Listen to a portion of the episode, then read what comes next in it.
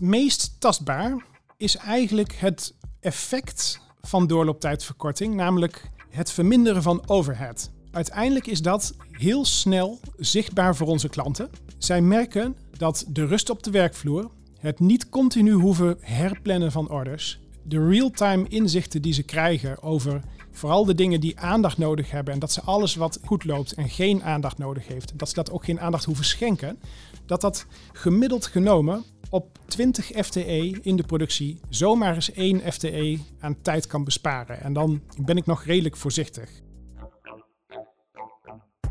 Je hebt zojuist geluisterd naar een fragment van mijn gesprek met Robert Peters van Propos Software in Doetinchem. Samen met Fried Kanen heb ik met Robert gesproken over de wijze waarop de QRM-theorie van Rajan Suri op de werkvloer geïmplementeerd kan worden.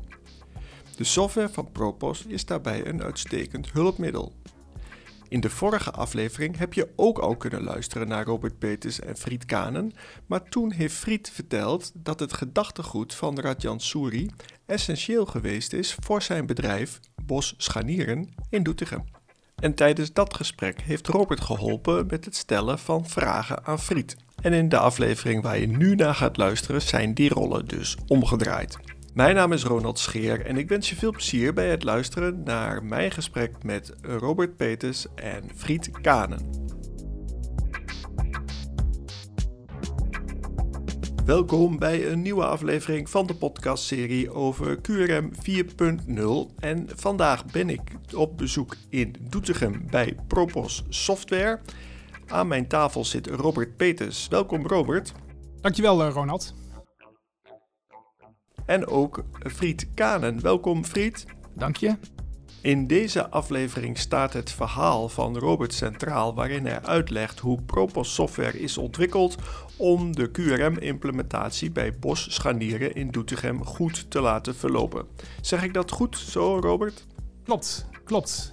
Ik zal er uh, direct wat dieper op ingaan. In de, in de vorige podcast heeft uh, mijn compagnon, want dat is hij intussen, Fried Kanen. We zijn samen uh, oprichter en eigenaar van Propos Software. Heeft mijn compagnon Fried alles verteld over wat hij vaak de QRM-journey noemt van bosscharnieren. Uh, hoe en waarom hij met QRM in aanraking is gekomen, hoe hij dat heeft toegepast bij bosscharnieren en welke voordelen dat heeft gebracht.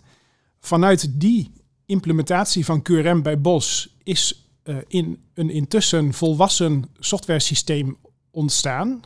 dat heet Propos Software. En vandaag zal ik vertellen hoe dat zover is gekomen, hoe we tot de ontwikkeling van dat systeem zijn gekomen en ik ben ook benieuwd naar de vragen die jullie daarover hebben. Ik zal eens even bij het, bij het begin beginnen. Um, Fried heeft verteld dat bosscharnieren met QRM is gaan werken. Hij heeft verteld over de multidisciplinaire QRM-cellen, multidisciplinaire teams, het wegnemen van bottlenecks op de werkvloer, het aanbrengen van buffervakken in productie, uh, dat allemaal met als doel doorlooptijdverkorting, het vaker op tijd leveren aan klanten van, van bestellingen. En hij heeft ook verteld welk succes dat heeft gebracht.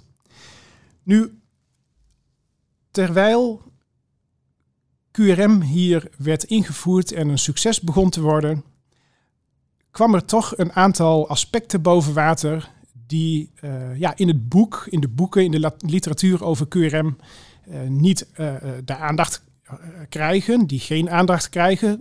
de boeken van Rajan Suri gaan over de methodes van QRM, over de toolboxen, over de principes. Maar het gaat natuurlijk niet over automatisering. En QRM begon een succes te worden bij Bos, maar er kwam een aantal knelpunten naar voren. Ik was in die tijd zelf, en nou spreken we rond 2000. 9, 2010 was ik al door Bos ingehuurd uh, met mijn softwarebedrijf om maatwerksoftware voor Bos scharnieren te ontwikkelen. Dat was in eerste instantie wat meer aan de, aan de voorkant van het bedrijf, noem ik het altijd maar weer. Dus de commerciële kant van het bedrijf. Friet heeft in de vorige aflevering uh, aan het einde even stilgestaan bij de kantoorprocessen, het offreren, het berekenen van kostprijzen. we waren al met de mensen van kantoor bezig om daar stappen te zetten. Om ook daar de, de, de slimmere manier van werken te gaan ondersteunen. En dat stond goed in de stijgers, dat werkte erg goed. En toen was de werkvloer aan de beurt, om het maar zo te zeggen. Want QRM bracht ontzettend veel voordelen, maar de, wat ik al zei, kwam ook een aantal knelpunten boven water. Een van de knelpunten de productieleider, waar Friet uh, over vertelde, die ook erg enthousiast was geraakt over het QRM-gedachtegoed, uh, bleek toch nog steeds, ondanks dat de doorstroom van orders sterk verbeterde en dat de leveringsbetrouwbaarheid flink omhoog ging, bleek hij toch nog steeds relatief veel op de werkvloer, ik zeg altijd rondjes te moeten lopen en veel paren schoenen per jaar te verslijten, om in de gaten te houden, te monitoren uh, of alles nog wel volgens planning verliep. De planning was simpeler geworden.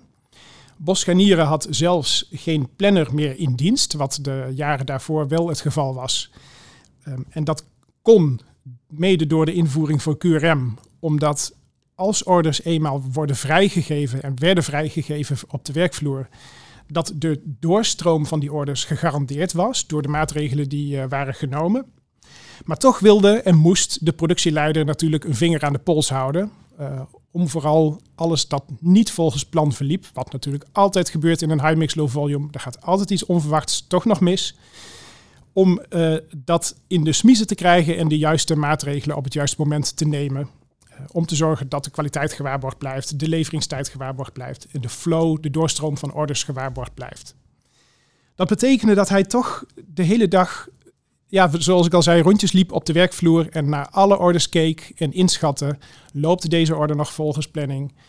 Zijn er bijzonderheden? Zijn alle materialen op voorraad? En hij probeerde daar dus de orders uit te vissen op de werkvloer tussen honderden orders. Ja, waar wat mee aan de hand was, om het maar zo te zeggen. En dat kostte hem ontzettend veel tijd en energie.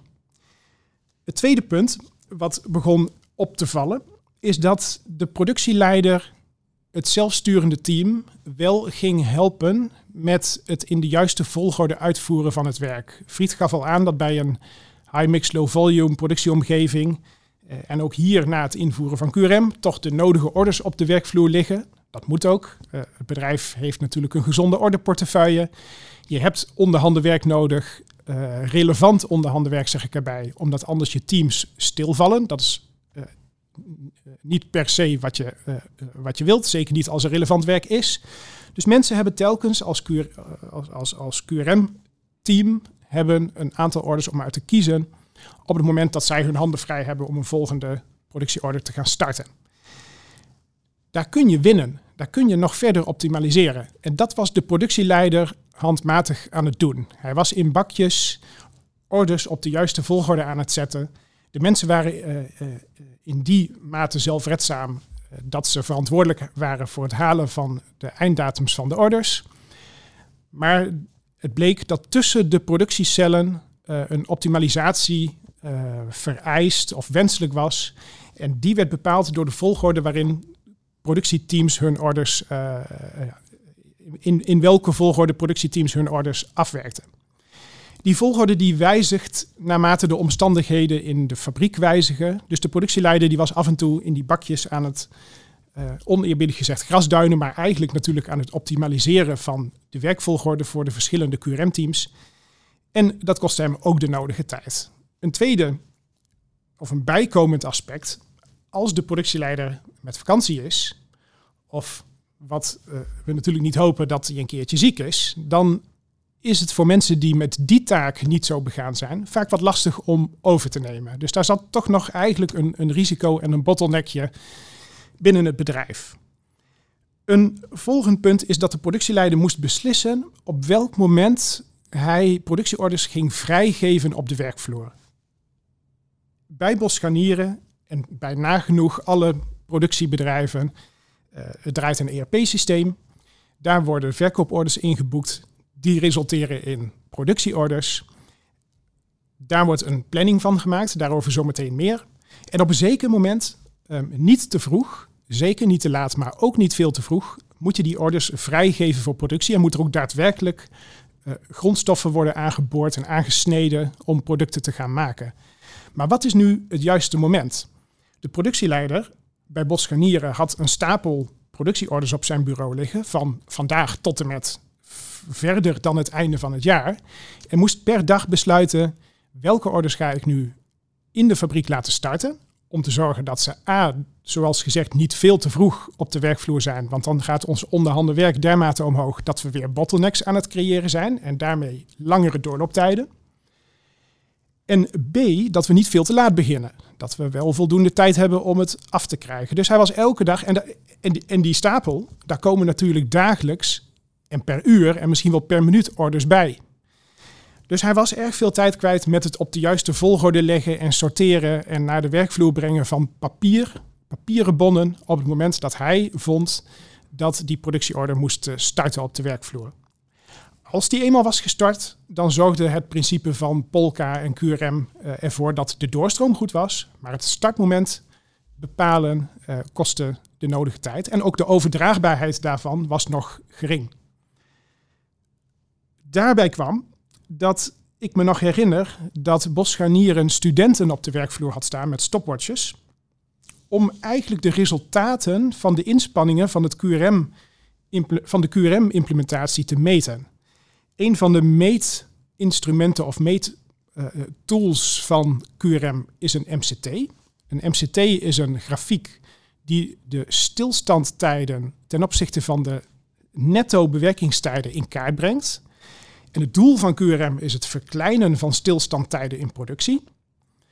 Stilstandtijden zijn de momenten, de tijden dat orders liggen te wachten in de buffervakken, die Friet uh, in de vorige podcast beschreef. Maar ja, hoe meet je dat?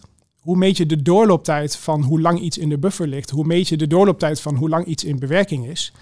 Door dat te klokken. En er waren hier studenten die dat deden. En soms schreven ook medewerkers hielden dat zelf bij en schreven tijden op productiebonnen. Dan moet dat ook worden verwerkt.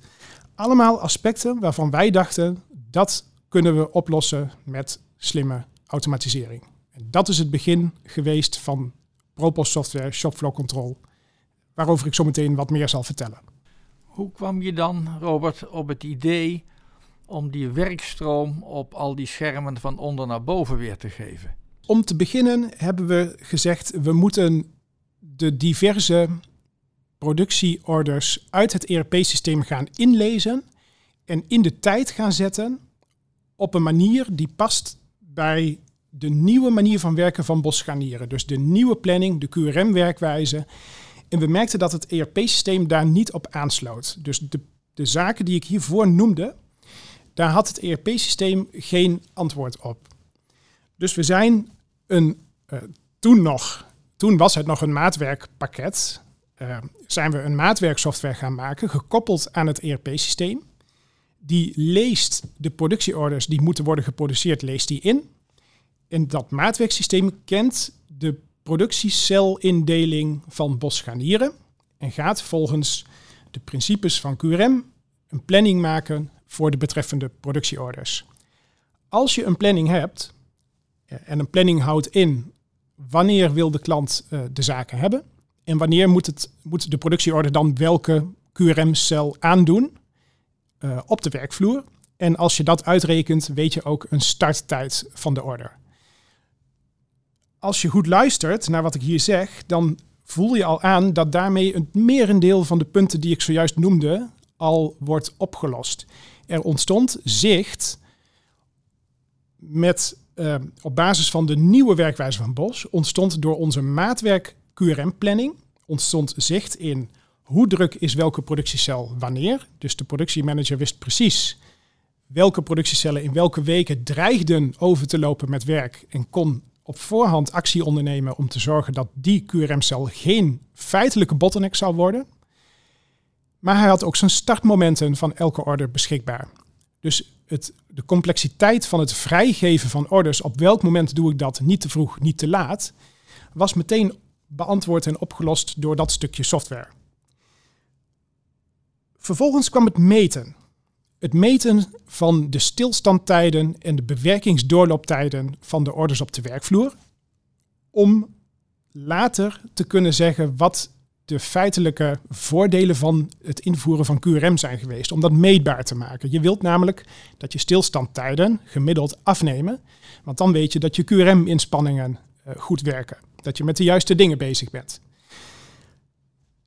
We zaten hier in deze kamer. We, even voor de luisteraar, we zitten in de, in de vergaderruimte van, van Bos Scharnieren, waar Propos tegenwoordig ook kantoor heeft. En ik weet nog dat we in 2010, 2011 hier vele uren uh, hebben doorgebracht, Friet en ik, maar ook ikzelf met de mensen van, uh, van Bos Scharnieren, uh, de, de andere medewerkers om het zo te zeggen.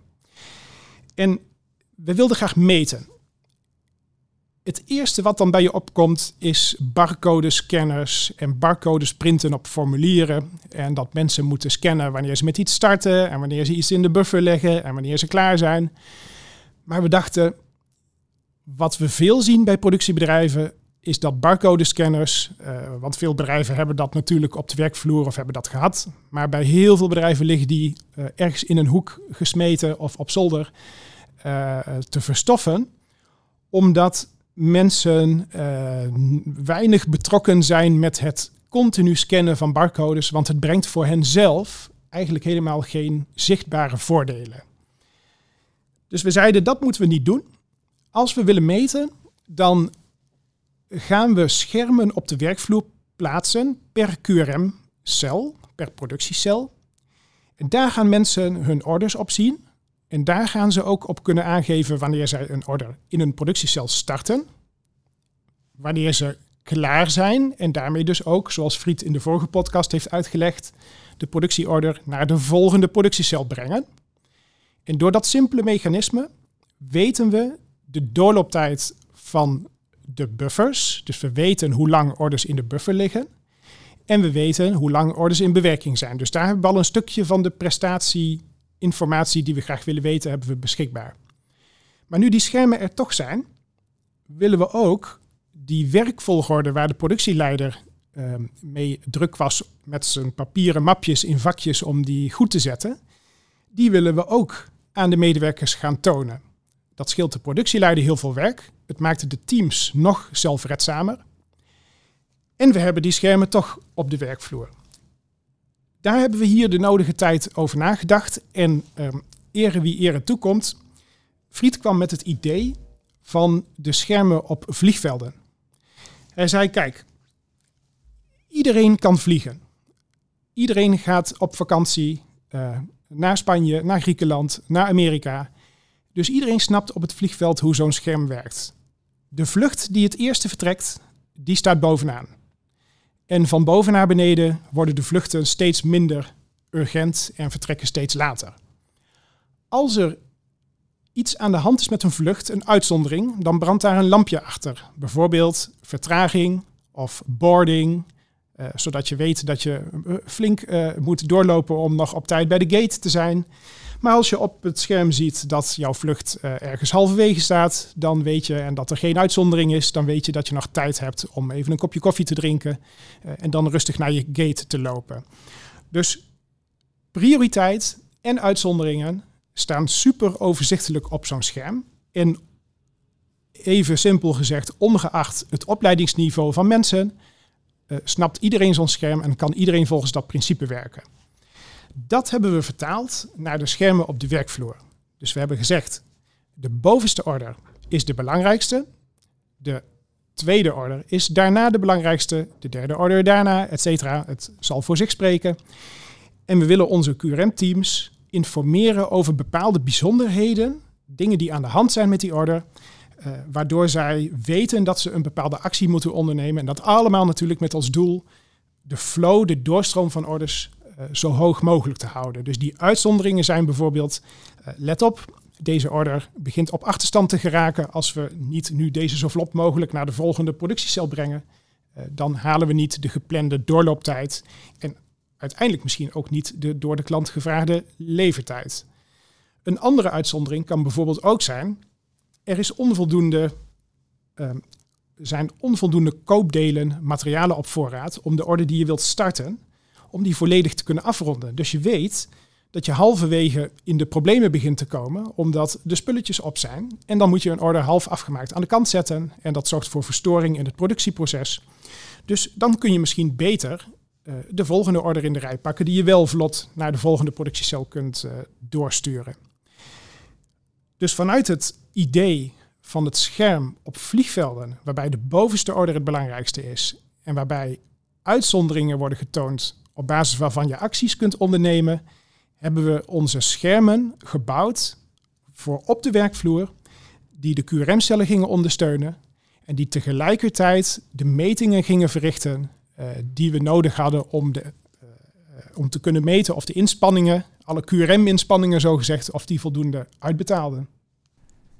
Ik heb gezien bij uh, de beeldschermen van Propos dat je ook veel hebt gedaan aan visuele communicatie ter ondersteuning van die werkvloer.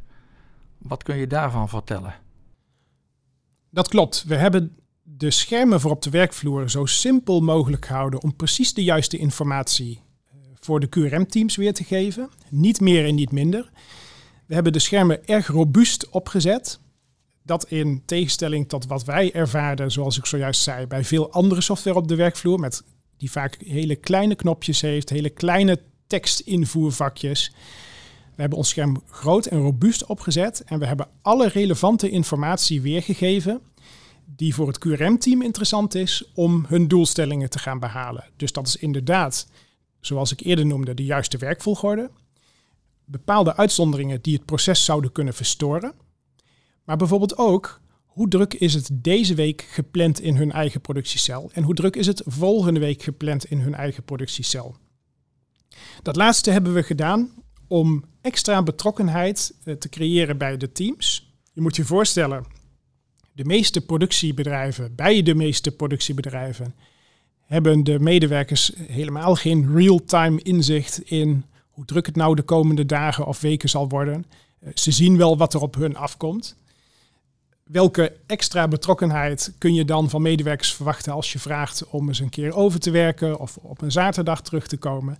Dus we geven die informatie aan medewerkers, zodat ze drukte, drukke periodes zien aankomen en zodat ze ook rustige periodes kunnen zien aankomen. En eigenlijk ook voor hun gevoel kunnen meebewegen bij de golven uh, die vaak door een productiebedrijf uh, heen gaan.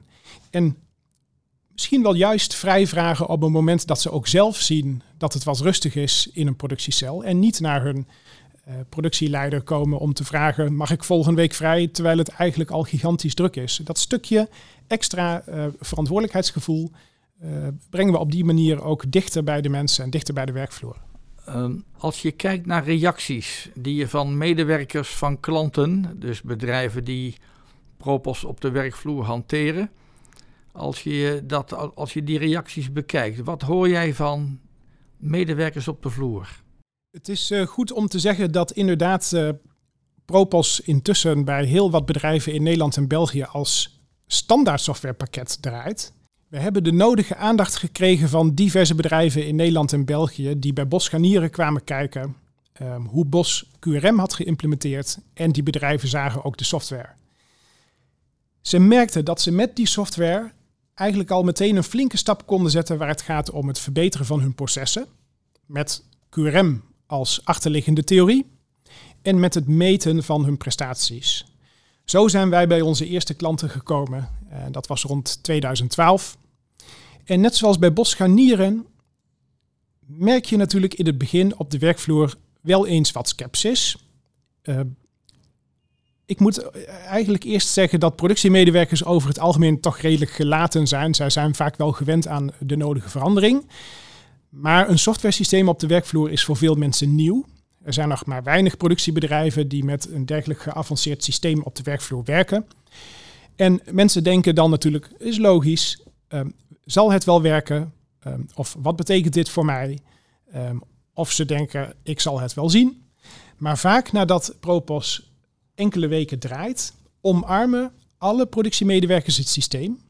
Omdat ze zien dat het orde creëert, dat de rust op de werkvloer toeneemt, dat iedereen dus naar dezelfde waarheid kijkt. is een belangrijk aspect van de schermen op de werkvloer. En uh, het kunnen meekijken van mensen op kantoor en van productieleiding. Iedereen kijkt naar dezelfde waarheid.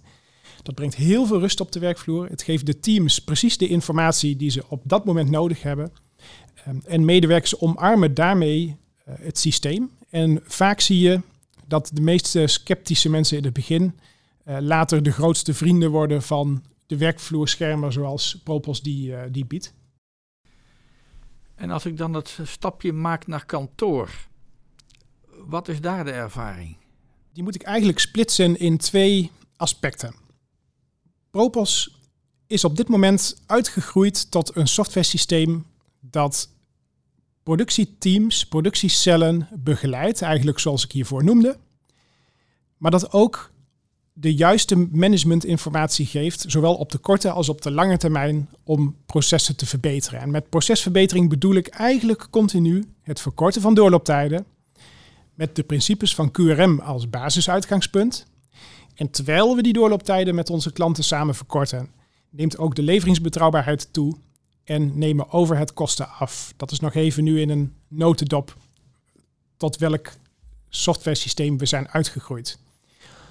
Op de werkvloer, heb ik zojuist verteld, werken we met schermen die de processen begeleiden. Maar op kantoor vinden ook processen plaats. Daar vinden ook product, nou ja, productieprocessen, het tekenen, het calculeren, misschien het, het, het inkopen. En dat zijn ook processen met doorlooptijden. Fried noemde in zijn vorige podcast al dat Bos Scharnieren op kantoor ook met QRM-cellen werkt. Technisch gezien noemt Rajan Suri die Q-ROCks. Ehm, maar in principe komt dat op hetzelfde neer. Multidisciplinaire teams op kantoor. En daar liggen ook zaken te wachten tot mensen die oppakken. En daar zijn mensen ook een zekere doorlooptijd mee aan het werk. En daar wil je eigenlijk ook die verbetering doorvoeren uh, die je op de werkvloer doorvoert. Het QRM-denken en het doorlooptijd verkorten wil je bedrijfsbreed toepassen. De schermen op kantoor kunnen daarom ook precies hetzelfde zijn als de schermen op de werkvloer. Bij de nodige van onze klanten hangen op, de, op kantoor precies dezelfde soort schermen als op de werkvloer, waarbij we ook de optimale werkvolgorde aangeven voor kantoorprocessen als werkvoorbereiding, engineering, inkopen, ik noemde ze zojuist. En waarbij we ook daarvan stilstandtijd meten, bewerkingsdoorlooptijd meten, um, helpen optimaliseren in de werkvolgorde en um, ook helpen natuurlijk met het plannen, uh, het geven van meer informatie over hoe druk is het de komende tijd nou in deze productiecel, zodat op voorhand maatregelen kunnen worden genomen. Dus het principe van de werkvloerschermen nemen we gewoon mee naar kantoor. En dan is er nog een tweede aspect en dat zijn onze dashboardschermen. Zoals een procesindustrie, zoals een bedrijf in de procesindustrie vaak een SCADA-systeem heeft om te monitoren eh, of de druk in de ketels niet te hoog wordt of een temperatuur van een vloeistof niet te hoog wordt. En als dat wel gebeurt, gaat er een lampje branden en dan gaat iemand wat doen om het controle over het proces te houden. Zo bouw je met Propos eigenlijk een SCADA-systeem van je high mix low volume productiebedrijf met als doel doorlooptijdverkorting.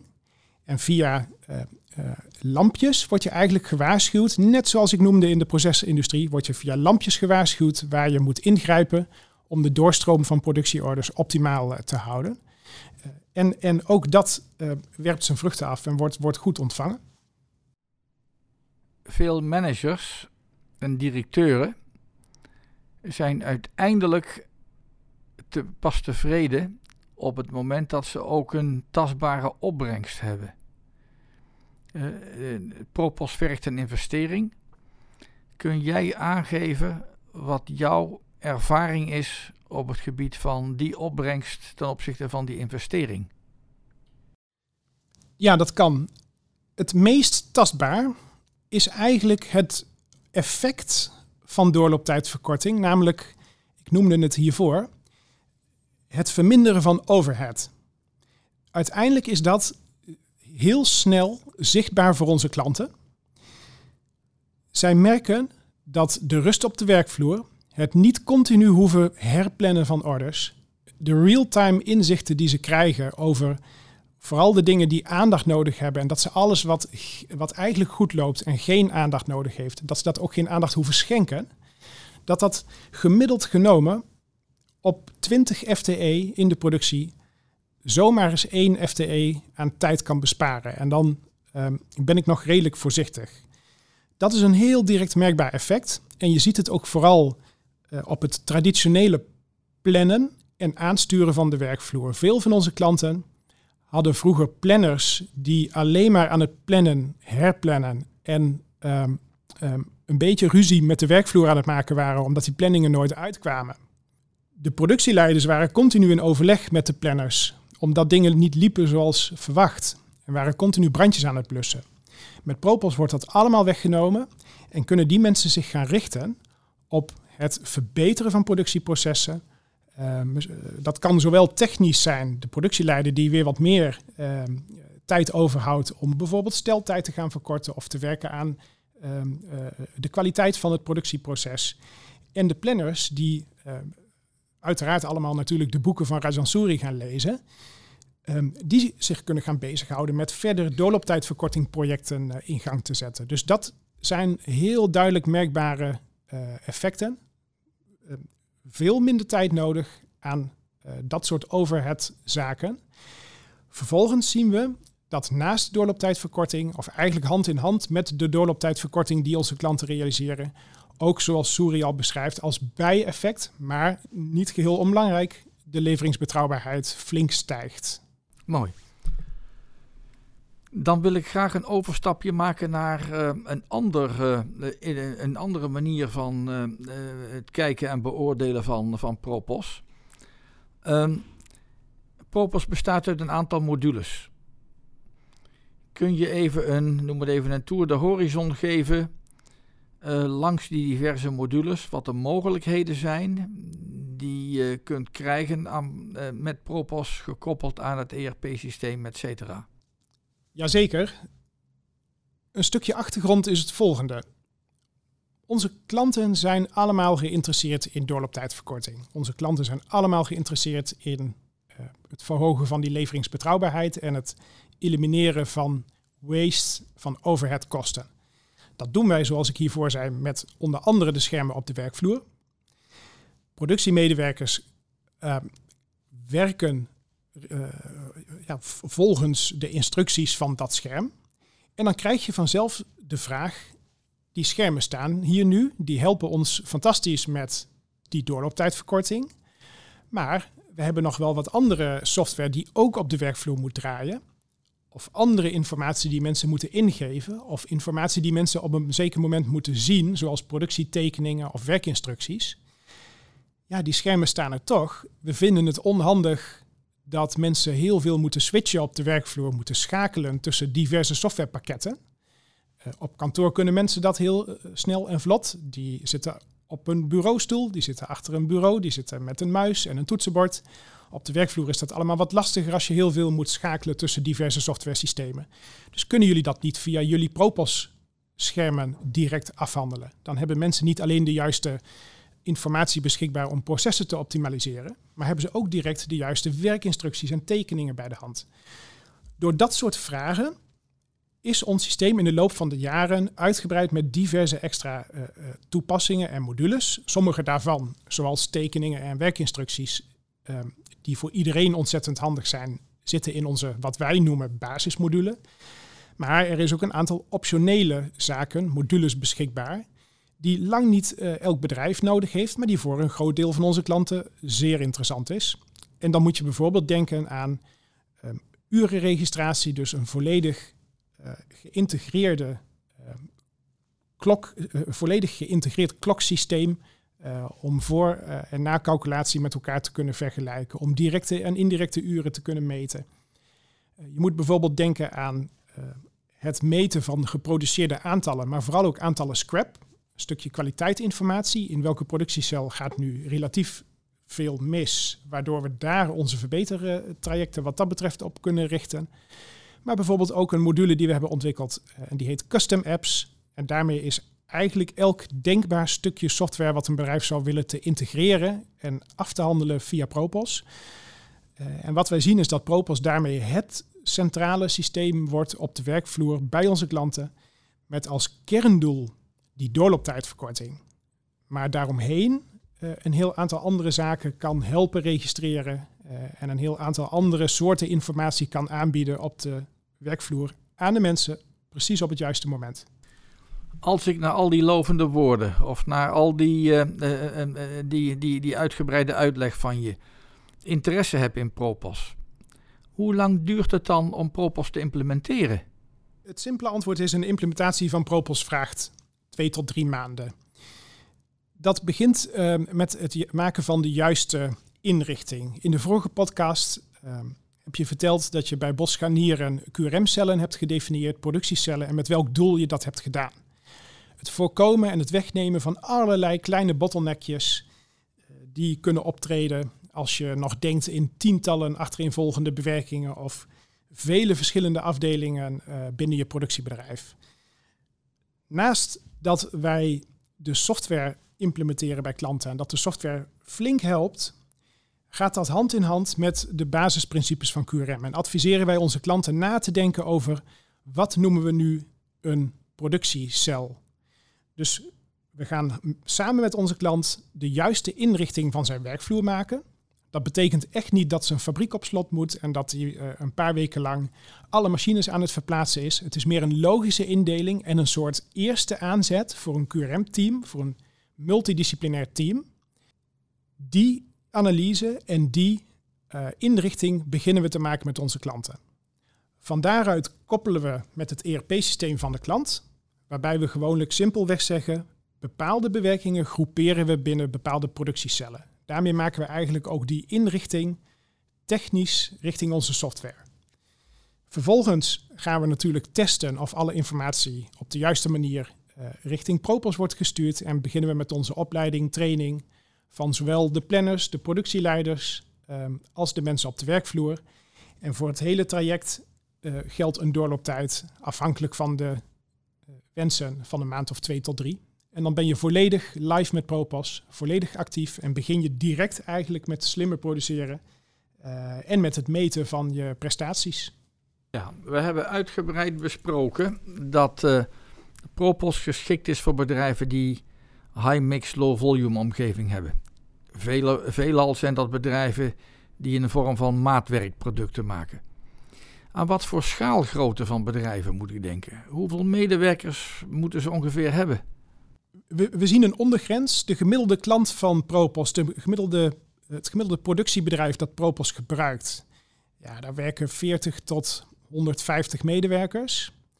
Kom je daaronder, dan zijn er soms uh, andere oplossingen die jou kunnen helpen om grip te krijgen op uh, productie. We zien dat bij 30, vanaf 30 productiemedewerkers, dat er bij de gemiddelde high-mix, low-volume productieomgeving toch dermate veel orders over de werkvloer gaan dat automatisering uh, bijna onmisbaar is om daar grip op te houden en zicht op te houden real-time. Dus dat is een beetje de ondergrens. Um, en kom je boven een productielocatie, uh, kom je boven een productielocatie van 150 mensen, dan ga je langzaam de high mix, low volume en de customization uh, uit. Dan kom je wat meer bij de massaproductiebedrijven. Eh, die weer wat meer naar de lean manufacturing-achtige oplossingen zal gaan, uh, gaan kijken. Ja, um, je noemt nu uh, het woord lean.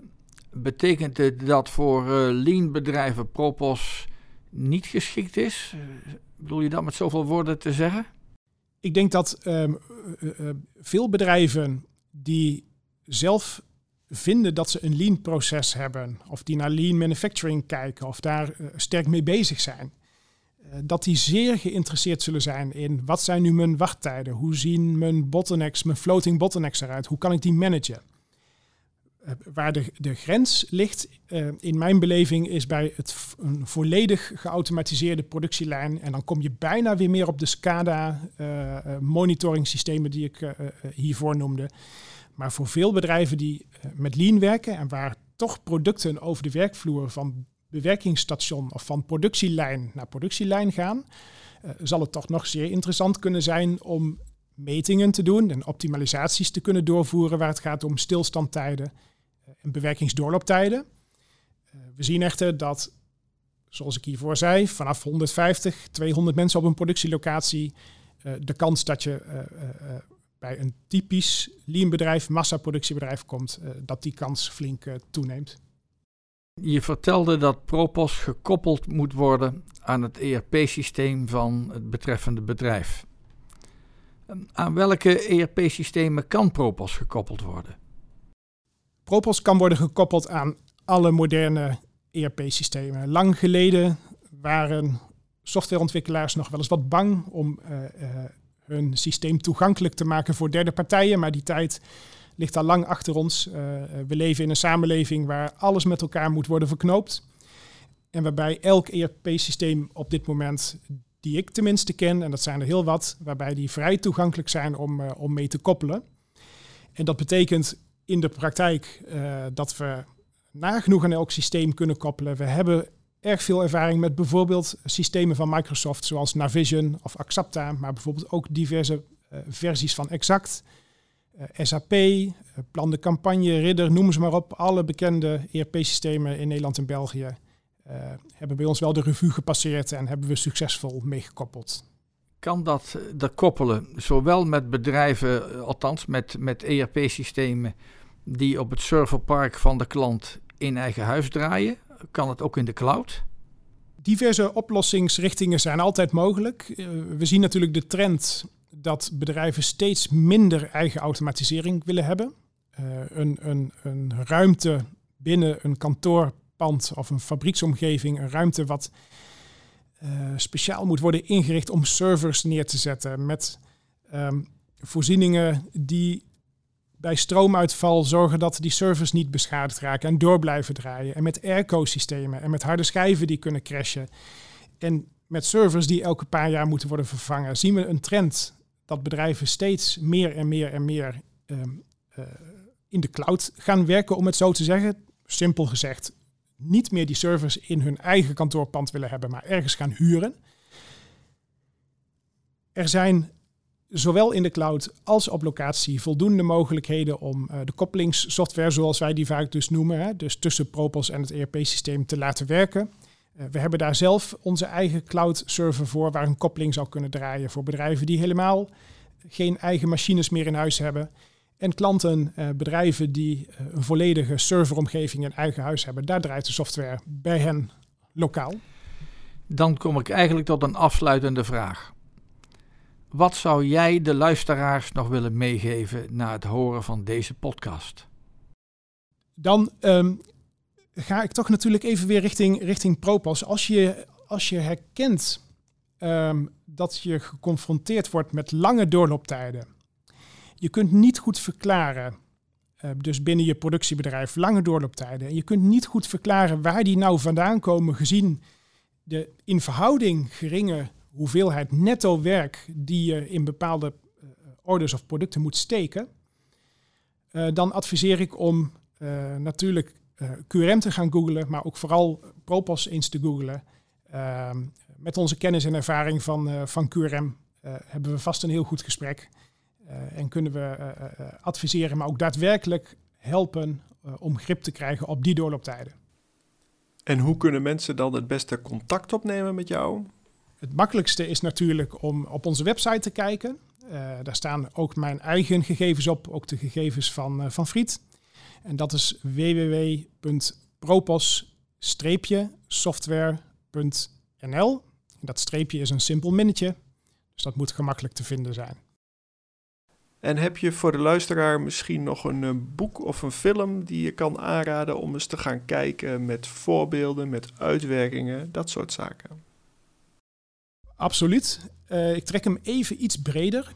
Op onze eigen website zijn diverse klantcases uh, te downloaden uh, van bedrijven in diverse branches. Dus dat betreft metaal, houtsector, ehm, interieurbouw. en daar is te lezen hoe die bedrijven ehm, voor die tijd werkten. Dus voordat ze met Propos gingen werken, hoe ze na die tijd, dus na de Propos-implementatie werken en hoe ze dat hebben ervaren en welke voordelen ze ervaren. Op onze eigen website staat ook een interessant uh, filmpje over hoe Propos werkt, tenminste de concepten van Propos. En ik zou zeker adviseren het Polka-boek dat Friet in de eerdere podcast noemde te gaan lezen. Daar hebben wij een uitgebreid hoofdstuk in geschreven, uh, waar nog veel meer informatie uh, in te vinden is over het eerste deel van de podcast van, van, van Friet de vorige keer en ook over het deel dat ik vandaag heb toegelicht. Uh, dat is dus het Polka-boek van Rajan Suri. Uh, de volledige titel is in de vorige podcast genoemd. Een van mijn afsluitende vragen is altijd: Naar wie zou jij graag eens willen luisteren in deze podcastserie over QRM 4.0? Ik heb uh, de verschillende afleveringen van de podcast uh, voorbij zien komen en beluisterd. En uh, eigenlijk ontbreekt Rajan Souri zelf. En die zou ik graag binnenkort in deze serie horen. Ja, dat zou natuurlijk fantastisch zijn. Mooi, ik denk dat wij een handje kunnen helpen. Ah, top. En daarmee zijn we aan het einde gekomen van deze aflevering van de podcastserie over QRM 4.0. Graag wil ik mijn gesprekspartners bedanken en als eerste natuurlijk Robert. Graag gedaan, ook bedankt. En uh, Fried heeft mij geholpen met het stellen van zeer kundige vragen. Fried, bedankt. Uh, graag gedaan, Ronald. En tot slot wil ik natuurlijk de luisteraar bedanken voor het feit dat je helemaal tot het einde bij ons bent gebleven. Als je denkt dat deze aflevering ook geschikt is voor anderen die geïnteresseerd zijn in dit onderwerp, dan zou het ons enorm helpen als je een duimpje omhoog of een kleine review wilt achterlaten in de app waar jij deze aflevering hebt beluisterd. Dat helpt ons namelijk, want nieuwe luisteraars kunnen deze show dan makkelijker vinden. En vergeet ook niet om je te abonneren, want binnenkort staat er weer een nieuwe aflevering voor je klaar. Graag tot dan.